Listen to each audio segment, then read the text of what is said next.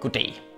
Vi er gået ind i den sidste uge inden valget, og det er frygteligt. Det er simpelthen så frygteligt. Det er meningen, at den valgkamp skal klæde vælgerne på til at beslutte sig for, hvem det er, de skal stemme på. Men man mister jo bare langsomt troen på demokratiet som styreform. Det er frygteligt. Jeg så den første partilederrunde lige da valget var blevet udskrevet. Det var så positivt. Jeg var så glad. De var så søde, og de grinede, de diskuterede og var uenige. Men stemningen den var simpelthen så god. Og jeg må indrømme, jeg et kort øjeblik tog mig selv lige at sidde og tænke, måske bliver det anderledes den her gang. Måske bliver det bedre. Oh, det bliver aldrig bedre. Dumme, dumme Michael, det bliver aldrig bedre. Men når man som dansker sidder og ser vores to potentielle ledere stå i fjernsynet og diskutere på et niveau, som om de var sådan et desisoleret par, der skændes om, hvem der har lavet mest i hjemmet. Om jeg har faktisk gjort det her og det her, om det var mig, der støvsugede, om det var mig, der kiggede ned og skraldede, det kunne du godt anerkende. Om jeg synes ikke, det var dig, der gjorde det. Jeg synes faktisk, det var mig. Men sidder bare tilbage som sådan en lille barn, der bare, der bare, der bare håber, at ens forældre vil holde op med at skændes, og Lars Lykke bare vil vælte den der pult og løbe over bare snavehældet i gulvet. Enten det, eller hendes studieverden, hun bare tager sådan en billiardkø, knækker den på knæet, kaster den på gulvet mellem og siger, let's have tryouts. Det virker så super dumt, at de skal stå der og skændes om, hvor uenige de er. Når de er mega enige. Det er bare sådan et stort skuespil. De bruger begge to det retoriske træk med at beskylde den anden for at være meget uenig med sin allierede i de radikale eller Dansk Folkeparti og Liberale Alliance, hvilket jo er rigtigt.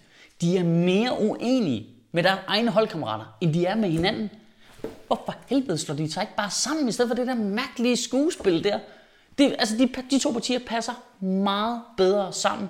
Den eneste grund til, at de ikke fusionerer, er jo bare, at de begge to gerne vil være statsminister. Fuck nu det der. Lad dem nu bare slå sig sammen. Helt seriøst, så laver vi bare Venstre-demokraterne eller socialliberalisterne. Det er Danmark, du ikke kan genkende. Så har vi bare to statsminister. Så laver vi bare to. Så der har vi sådan en statspar. De deler alligevel politik og lemfældig omgang med fakta, så kan de lige så godt dele job og seng også, og få børn i øvrigt, sådan små tyk runde nogen med sådan nogle mærkelige øjenbryn.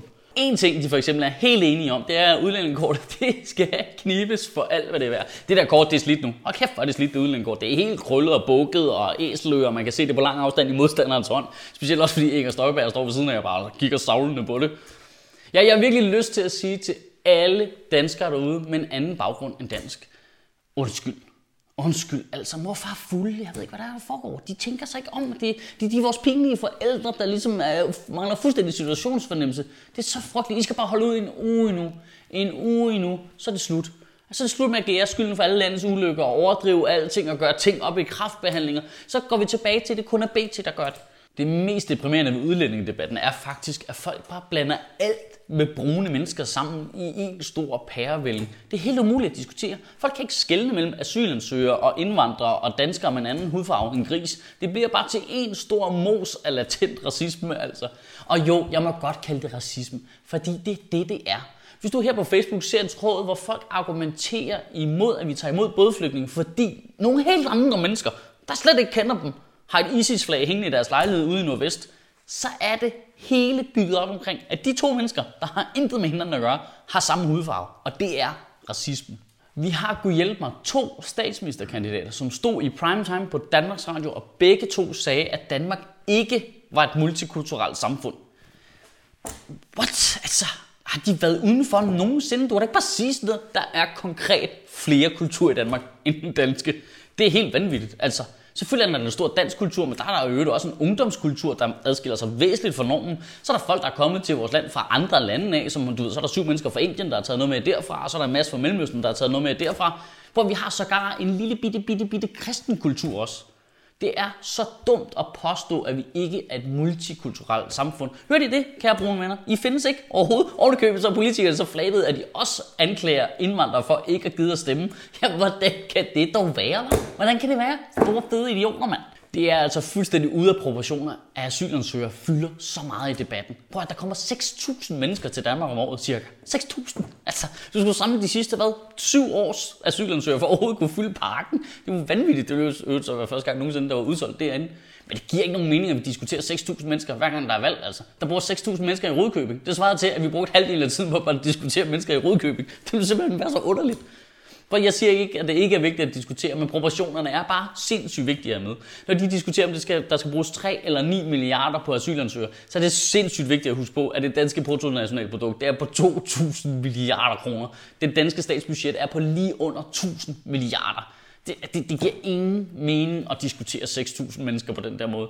Prøv, vi bruger 50% af tiden på at diskutere noget, der fylder 1% i budgettet. Basically, hvis du ikke er på kontanthjælp eller har søgt asyl i Danmark, så er den her valgkamp pisselig meget for dig. I ugen, der kommer, der synes jeg faktisk, at du skal ignorere udlændingedebatten. Ja, det, det mener jeg faktisk helt seriøst. Ignorer det. Du ved jo godt, hvad du synes jo. Det er jo lige meget at diskutere det mere. Og jeg vil gerne understrege, at jeg synes, at alle holdninger er legitime holdninger. Om du ikke vil hjælpe folk i nød, eller om du gerne vil, om du synes, folk skal sendes hjem, eller om du ikke synes, det er lige meget. Pointen er bare, at den debat, der kører nu, den bodega-retorik, der er så grim og så usaglig, den er ironisk nok mere skadelig for sammenhængskraften i vores samfund, end visse politikere påstår indvandrere er. Det er simpelthen så frygteligt, når vores to statsledere bliver ved med at tage en lille bit gruppe mennesker og retorisk tage dem ud af fællesskabet, så bliver de jo aldrig en del af fællesskabet. Men hvis vi nu som borgere bare beslutter os for, fra nu af så handler valgkampen faktisk om mere end 6.000 mennesker. For nu af så handler det om politik for hele Danmark. Så kan det være, at det bliver bedre. Kan du have en rigtig god uge, og Gud bevare min bar. Oh, det bliver jo aldrig bedre. Det bliver aldrig bedre. Dumme, dumme Michael. Dumme idiot.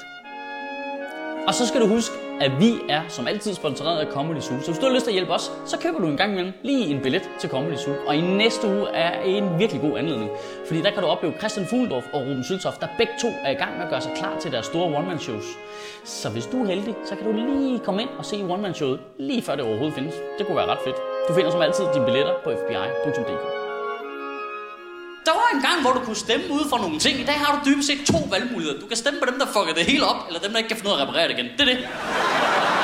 Det, er, det er jo så det problemet der jo.